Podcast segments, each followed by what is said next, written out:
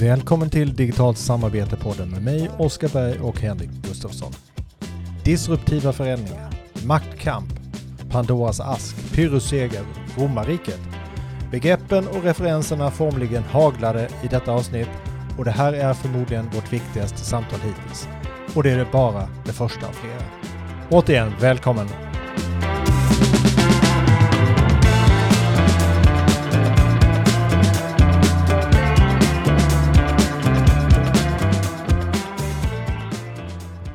Morgon, Oskar. God morgon, Henrik. Eh, vad pratar vi om idag då? Makt. Makt. Eller? Det låter Yes. väl härligt. Alla kanske tycker eh, till mans att de har för lite av den här varan, men det här är något som vi började prata om under inspelningen av eh, vårt förra avsnitt, eller hur? Ja, Då hade vi Charlotta Segerlund Darnell eh, på besök och eh, vi, bör, eller vi kom in på många av de här konflikterna som vi ser just nu. Det blåser upp väldigt många konflikter som är kopplade till möjligheterna som finns kring distansarbetet. Då.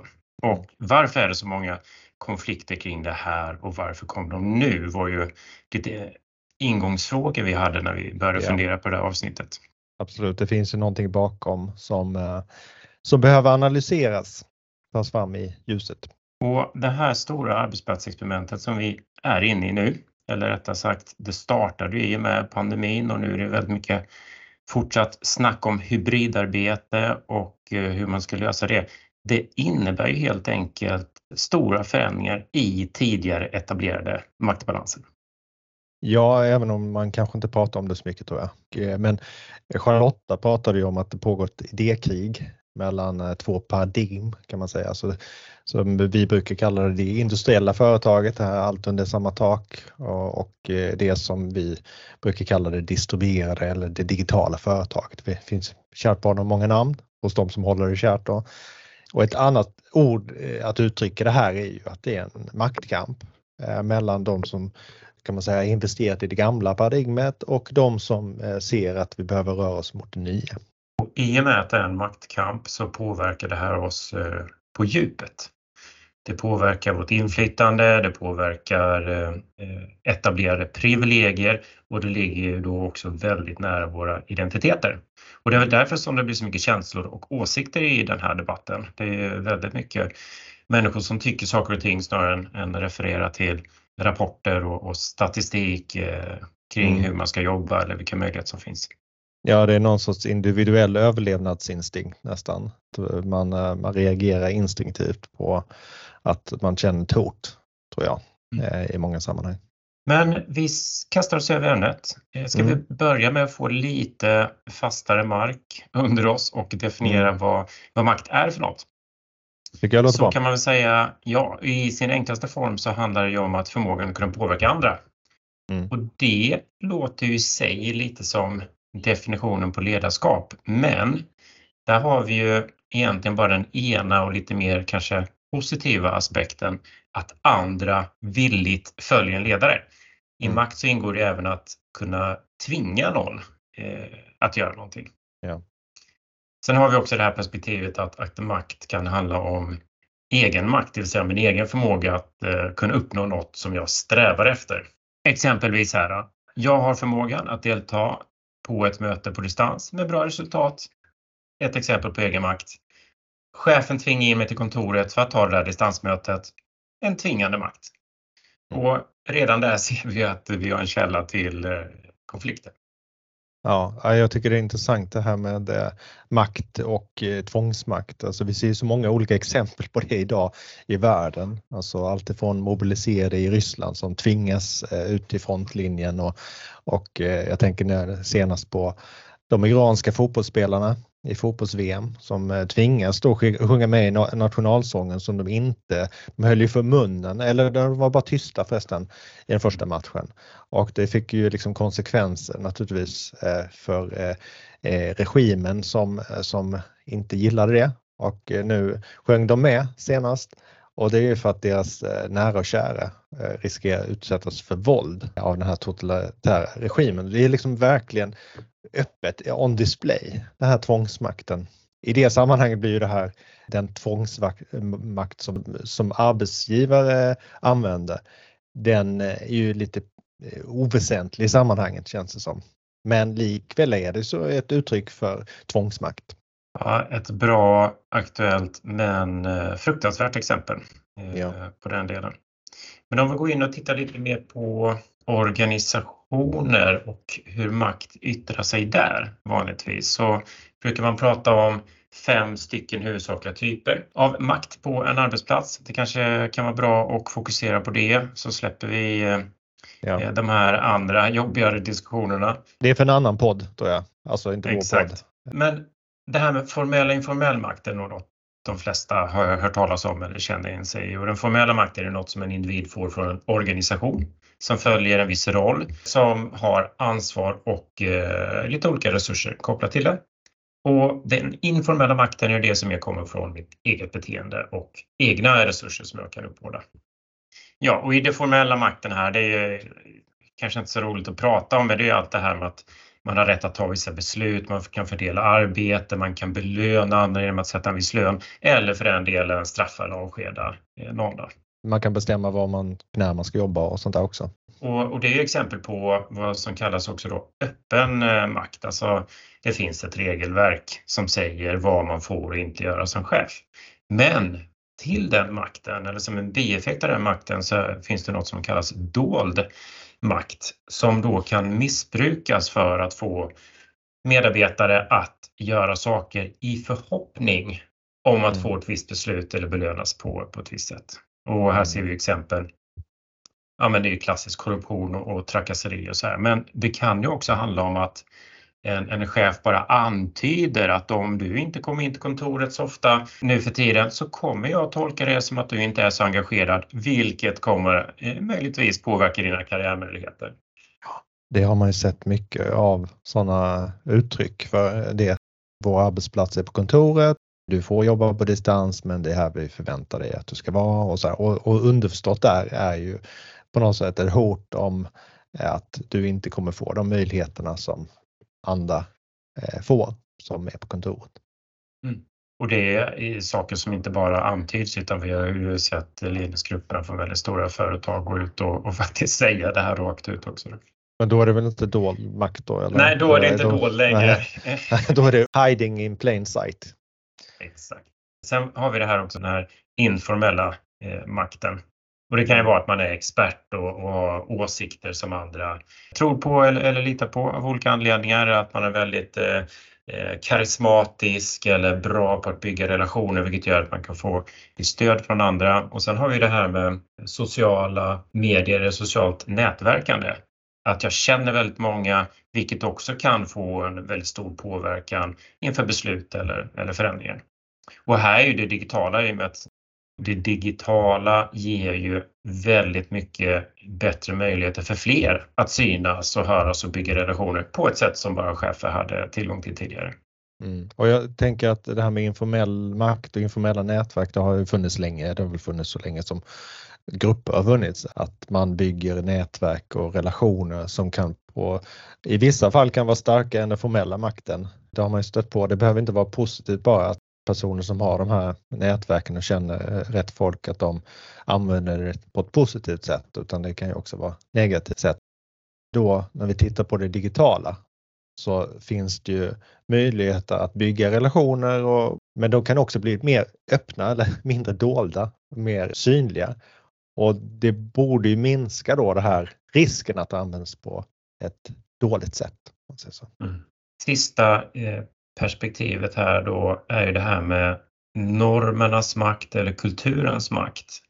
Och kultur är ju någonting som vi pratar om en hel del i vår senaste bok och försöker belysa hur den spelar roll på hur vi, vi arbetar och, och samarbetar. Men ofta är den väldigt outtalad. Mm. Eh, eller något i stil med så här har vi alltid gjort och saker och ting sitter i väggarna eller det finns någon slags eh, ja, men vanans makt som innebär en tröghet till eh, förändring som också är en viktig sak att tänka på när vi nu tittar på den här eh, omvandlingen eller förändringen av arbetsplatserna. Apropå vanans makt så har vi de här eh, the most dangerous phrases eller words in business. We have always done it this way. och så vidare. Det här funkar inte i vår bransch och så vidare. Och det är vanans, uttryck för vanans makt. Ska vi titta lite på också, för vi gillar ju det här med att sätta saker lite i ett historiskt eh, perspektiv. Jag måste skjuta in här att min fru har mycket roligt åt det här att eh, tydligen är det så att väldigt många män tänker på romarriket. De har frågat män hur ofta de tänker på romarriket och det är många som frågar, svarar varje dag. Det, det kanske inte vi gör då. Jag vet inte varför man specifikt tänker på romarriket. Eh, vi kan börja tidigare idag. Sen ja, springer vi förbi romarriket här lite, lite snabbt. Mm. Men eh, jag blir lite rädd när du säger Oskar, vi kanske är alldeles för mossiga i de här samtalen. Vi tycker det är intressant, hoppas någon annan tycker det är intressant också. Då. Ja. Men det är, det är lite mer för att sätta det som händer nu som, som många då kan uppleva som något som kommer plötsligt är egentligen en förändring som pågått under väldigt, väldigt lång tid. Men en sak som är intressant att titta på här när vi pratar om makt, det är ju hur eh, sättet att organisera oss har förändrats över tiden. Och det här resonemanget bygger på tankar som filosofen Ken Wilber kom för ett tag sedan och som organisationskonsulten Fredrik Laloux utvecklade i, i eh, en av sina böcker. Men en av de mest eh, primitiva organisationsformerna som vi har, den kallar vi för bossen. Och det här är ju ett sätt att organisera sig utifrån en individ som styr med järnhand, kräver lojalitet och lydnad och får det genom att eh, hota med, med våld och straff på olika sätt. Och det som man kan få tillbaka är någon slags eh, beskydd eller att man är en del av det här gänget. Då.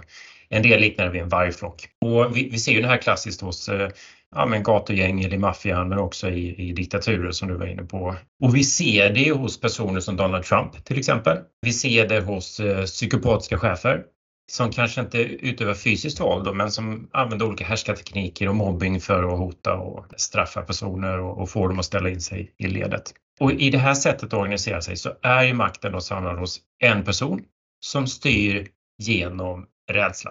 Och det här är ju inget långsiktigt eh, sätt att jobba på. Det är ett väldigt kortsiktigt och reaktivt sätt att organisera sig och eh, det frodas i kaotiska miljöer men det skapar också väldigt eh, mycket kaos. Och det här, det här är ett sätt att organisera sig som vi ser än idag, inte bara det som är på gatan utan det är ju i större organisationer så finns det ju team eller, eller grupper som faktiskt funkar enligt de här principerna.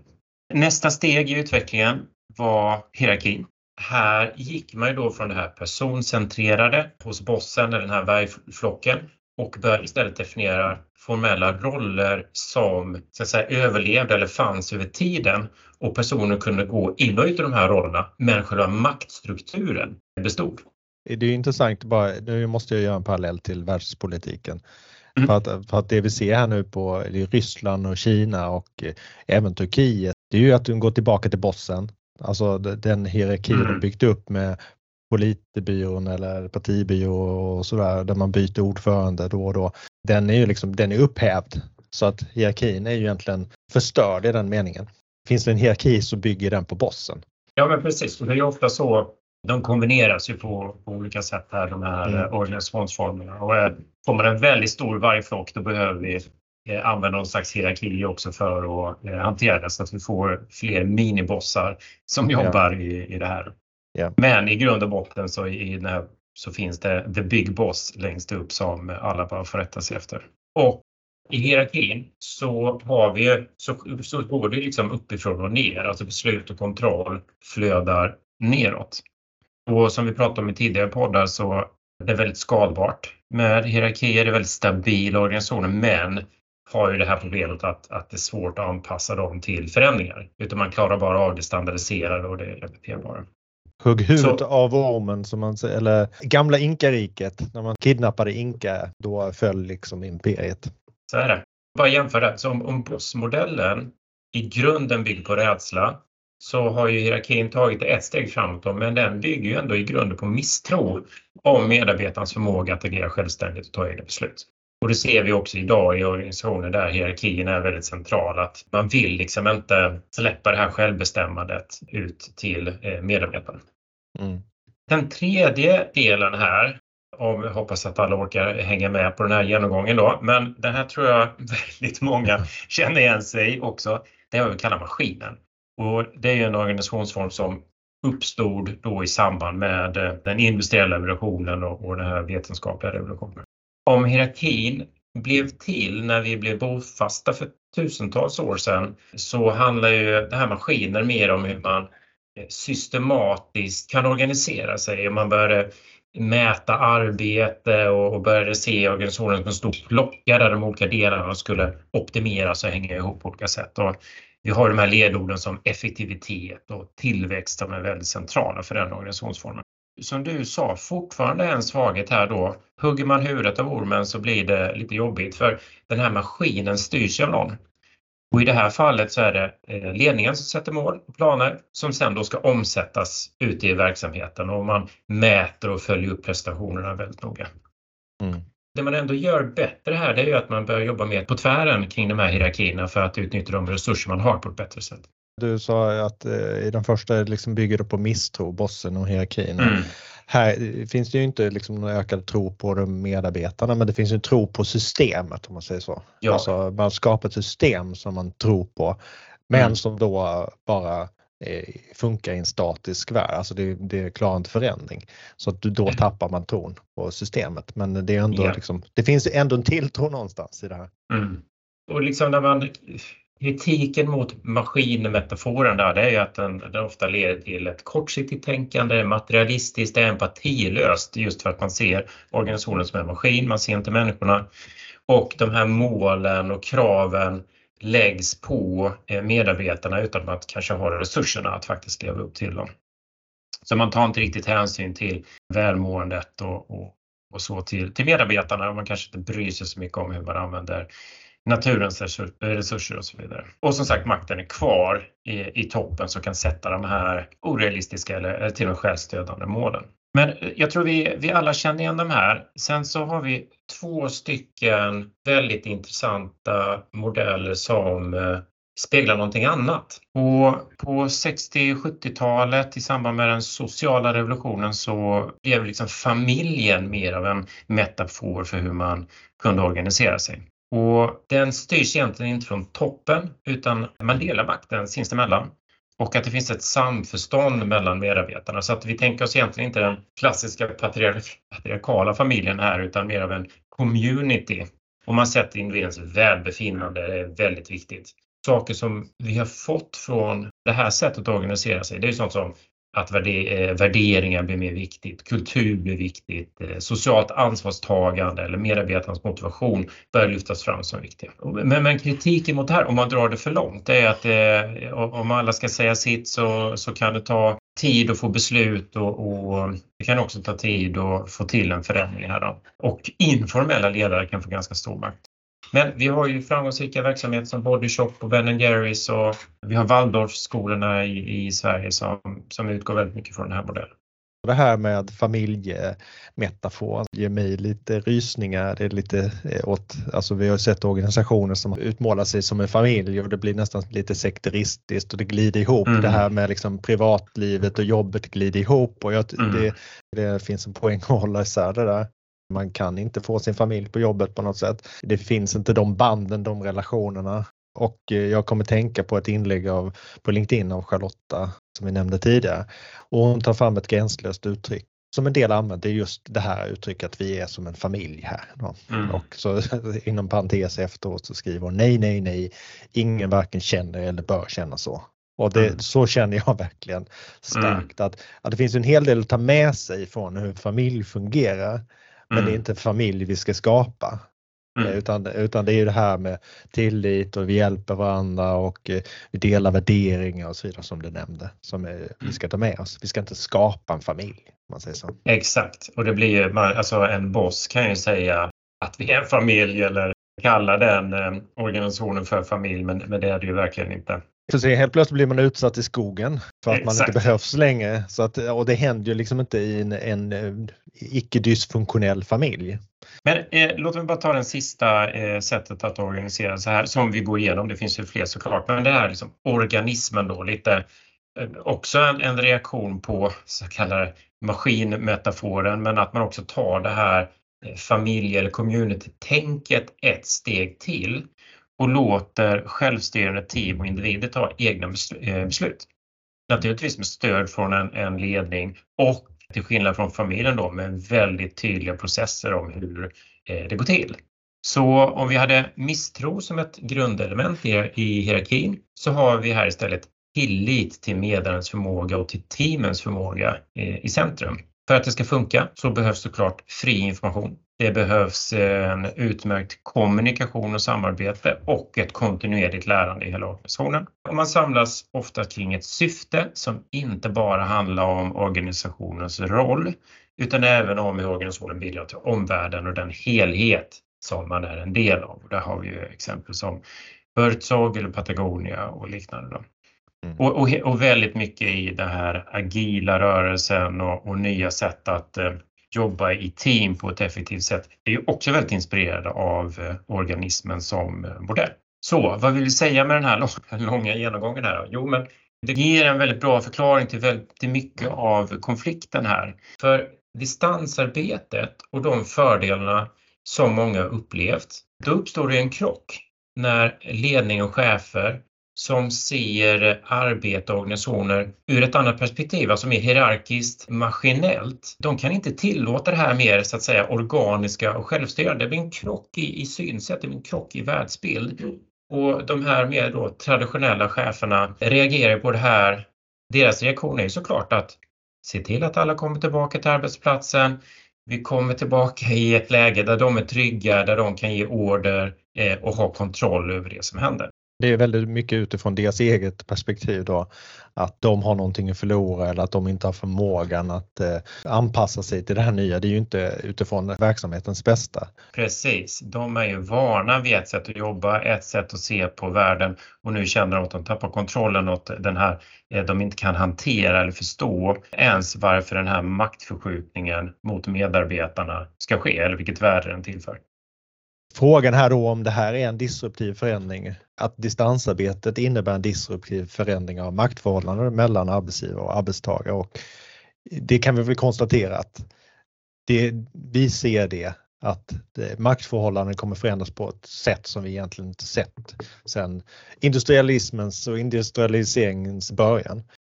Och jag hittade en eh, artikel av Karl Melin, forskningsledare på Futurion, tankesmedjan för framtidens arbetsliv, som just eh, diskuterade här då om, om det här är att se som en disruptiv förändring eller inte. Det menar han att det här bryter mot mänsklighetens eh, starkaste logiker att människor väljer att bosätta sig där de har sin försörjning och när försörjning upphör eller förflyttas så då följer människorna efter. Och den industriella revolutionen fick oss att flytta från byar eh, ute på landet och gårdar till bruksorter och mellanstora städer. Och sen informations och tjänstesamhällena innebar en fortsatt koncentration, urbanisering och koncentration till högskoleorter och storstäder. Så att om man ska definiera just en disruptiv förändring så är det när spelreglerna förändras i grunden och vi har ett nytt läge. Och de här förändringarna som sker då, de är ofta synliga lite längre fram enligt Carl Melin då, så har historien visat att disruptiva förändringar i grunden ändrar just maktförhållanden i samhället. Att balansen mellan olika grupperingar och individer kan se helt annorlunda ut efteråt. Det är ett citat som kommer till mig här då från eh, futuristen Roy Amare. Att vi har en tendens att överskatta de kortsiktiga effekterna av ny teknik och underskatta de långsiktiga effekterna. Att vi tänker ofta för snävt och ser inte de här större förändringarna som kommer liksom som ringar på vattnet att möjligheterna att arbeta vad som helst kommer liksom inte bara påverka om vi, hur mycket vi pendlar utan det kommer påverka alltifrån var vi bosätter oss och vad vi vill värdera i livet till hur företag och samhällen fungerar i grunden. Är det här en destruktiv förändring? Absolut och det är, det är därför det gör så ont. Det är därför att konflikterna blir så stora och det är därför konflikterna blir så tydliga. Jag vill bara eh, understryka det. Ja, och eh, vi kommer tillbaka till maktförhållandena. Jag stötte på en artikel eh, med en intervju med flera personer och vettiga människor, men bland annat en som heter Deborah Gruenfeld som är professor i organisatoriskt beteende vid Stanford Graduate School of Business och eh, också författare till en ny bok Acting with Power Why We Are More Powerful Than We Believe. Det som tas upp i den här artikeln är bland annat hur hon beskriver den här övergången till att arbeta hemifrån den har belyst då de subtila sätt som makt och hierarkier förstärks då i mer traditionella personliga arbetsmiljöer som till exempel då kontorsmiljö. Och hon menar att personer högre upp i hierarkin tenderar då ta mer plats i den här fysiska miljön, den här personliga miljön. Det kan vara alltifrån fysiskt vid sitt skrivbord som att använda mer dramatiska gester. Man vet ju liksom det här klassiska att chefer pratar och skrattar högre pratar ofta på möten och mer benägna att avbryta eh, sina kollegor. Då. Deborah då tar fram det här att eh, i en virtuell miljö så saknas den här hierarkin. I alla fall har man inte hittat sätt än att manifestera den på motsvarande sätt som i de här fysiska miljöerna. Och själv tror jag att det blir svårt för att det blir mycket mer tydligt om de andra har vi liksom på något sätt fått ärva och få haft med oss och inte kanske reflekterat över det. Men om man försöker införa de här hierarkierna i, ett, i en virtuell miljö, då kommer vi se det. Eh, och då kommer vi motsätta oss det. Och forskning visar ju också att vi som människor är mer benägna att bryta just hierarkiska normer och när vi kommunicerar digitalt. Så vi kommer inte låta hierarkin komma tillbaka där och det blir ju ett hot då att du kan inte upprätthålla den eller etablera den maktförhållandena eh, på samma sätt digitalt. Vi har pratat lite om det innan också, det här med vad den nya mötestekniken gör med oss och hur det konkret då påverkar vårt förhållande till varandra och det här med att många upplever det som en mer jämlik spelplan helt enkelt. Man kan inte vifta runt så mycket och liksom kroppen eh, tar plats på samma sätt i de här små rutorna så vi faktiskt ser varandra.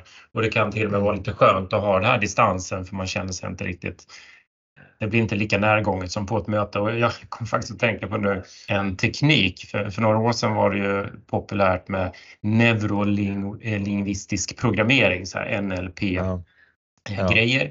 Och där finns det en eh, så mental teknik eh, som man kan tillämpa på människor som man tycker är lite jobbiga att ha att göra med eller skrämmande på, på olika sätt. Så att mentalt så tänker man dem som mindre personer.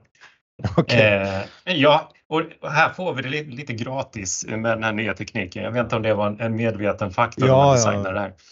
Eller Putins jättestora bord. Det, det, går liksom inte att återskapa på samma sätt i en eh, digital virtuell miljö. Det blir bara löjligt. Det är löjligt fysiskt också när man tittar på det, bilder på det, men när man väl är där så funkar det nog. Eh, ganska Jag bra. tror eh, alla dik diktatorer kommer att gå ihop och finansiera utvecklingen av en sån mötes, eh, digital mötestjänst där man faktiskt kan ha enorma bord och sitta vid ändan. Eller det blir så uppenbart i, i med de här situationerna där vi möts och vi kommer ju prata om det, det kommer antagligen bli ett poddavsnitt till just kring eh, den här makten i möten och så vidare. Men där blir krocken väldigt tydlig. Vi kan ju ta ett annat exempel här på eh, maktförskjutningen som sker då med distansarbetet.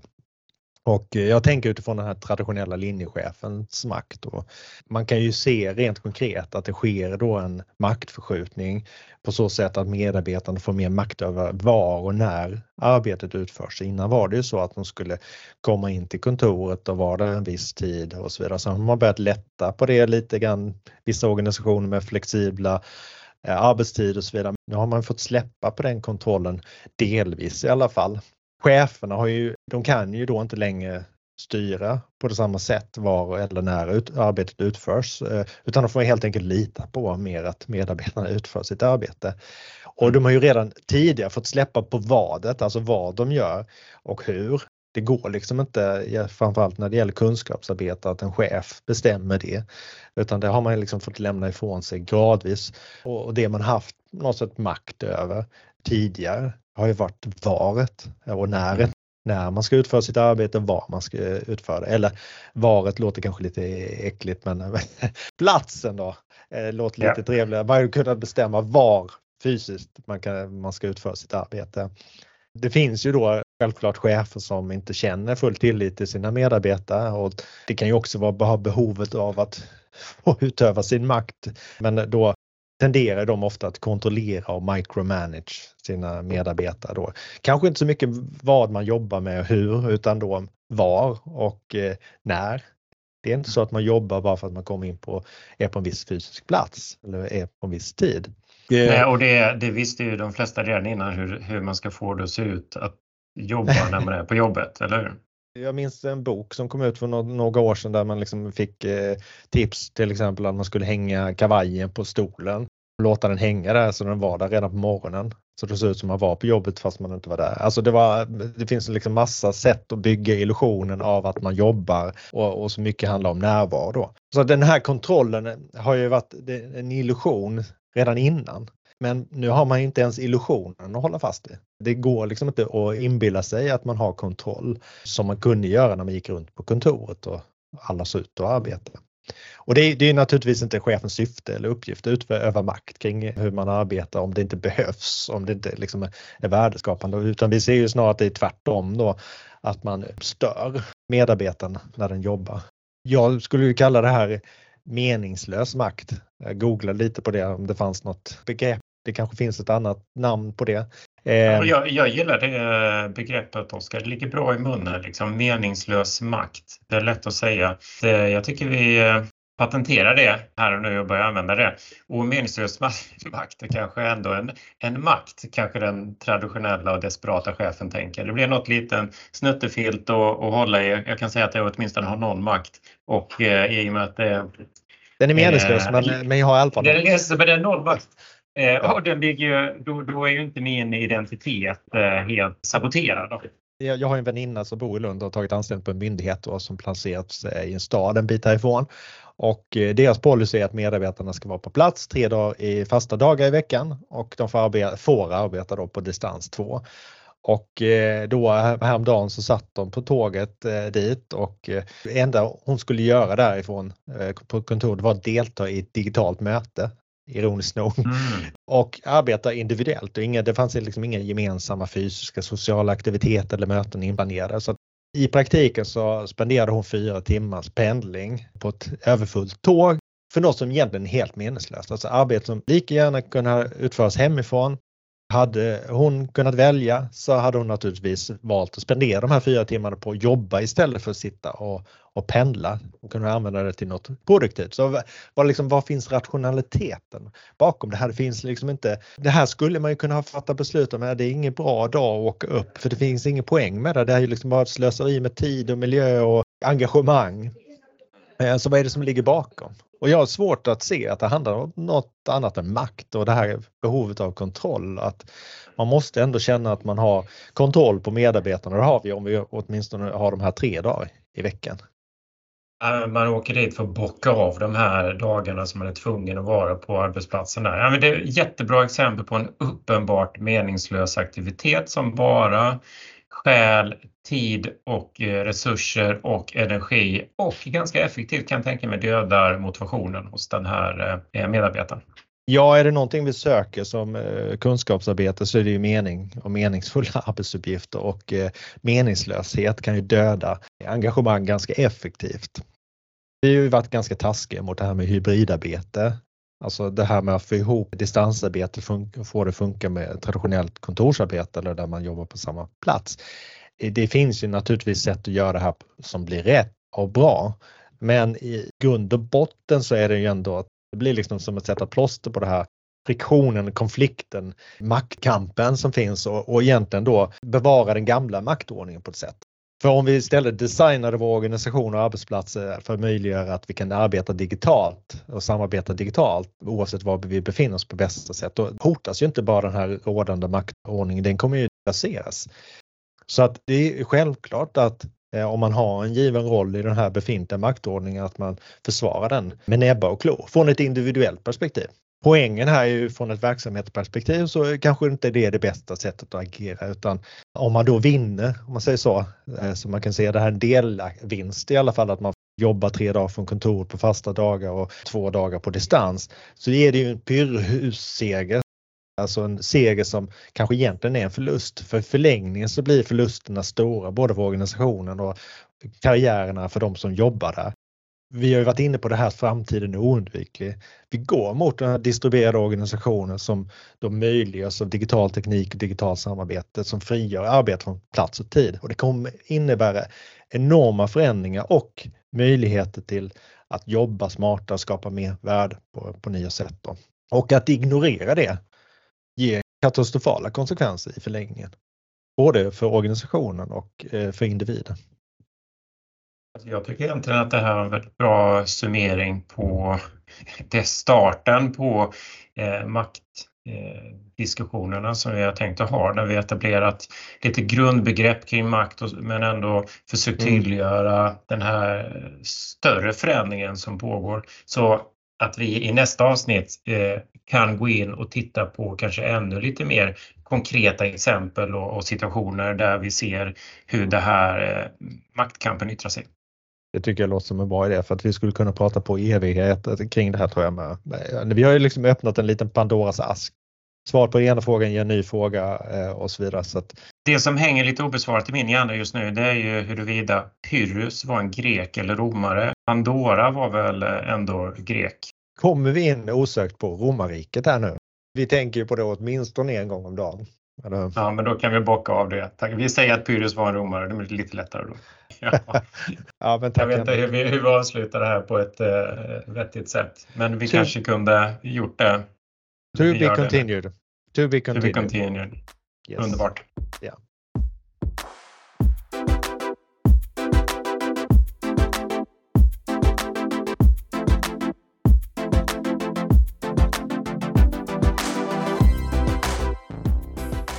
För att skämmas lite för man inte vet eh, om Pyrrhus var grek eller romare. Men eh, nu ska vi se, ska vi se eh, Pyrrhus, hellenistisk härskare. Det var i kamp mot romarna. Ja, det var inte en romare, men vi kommer i alla fall in på romarriket. Ja, skönt. På något sätt i det här avsnittet.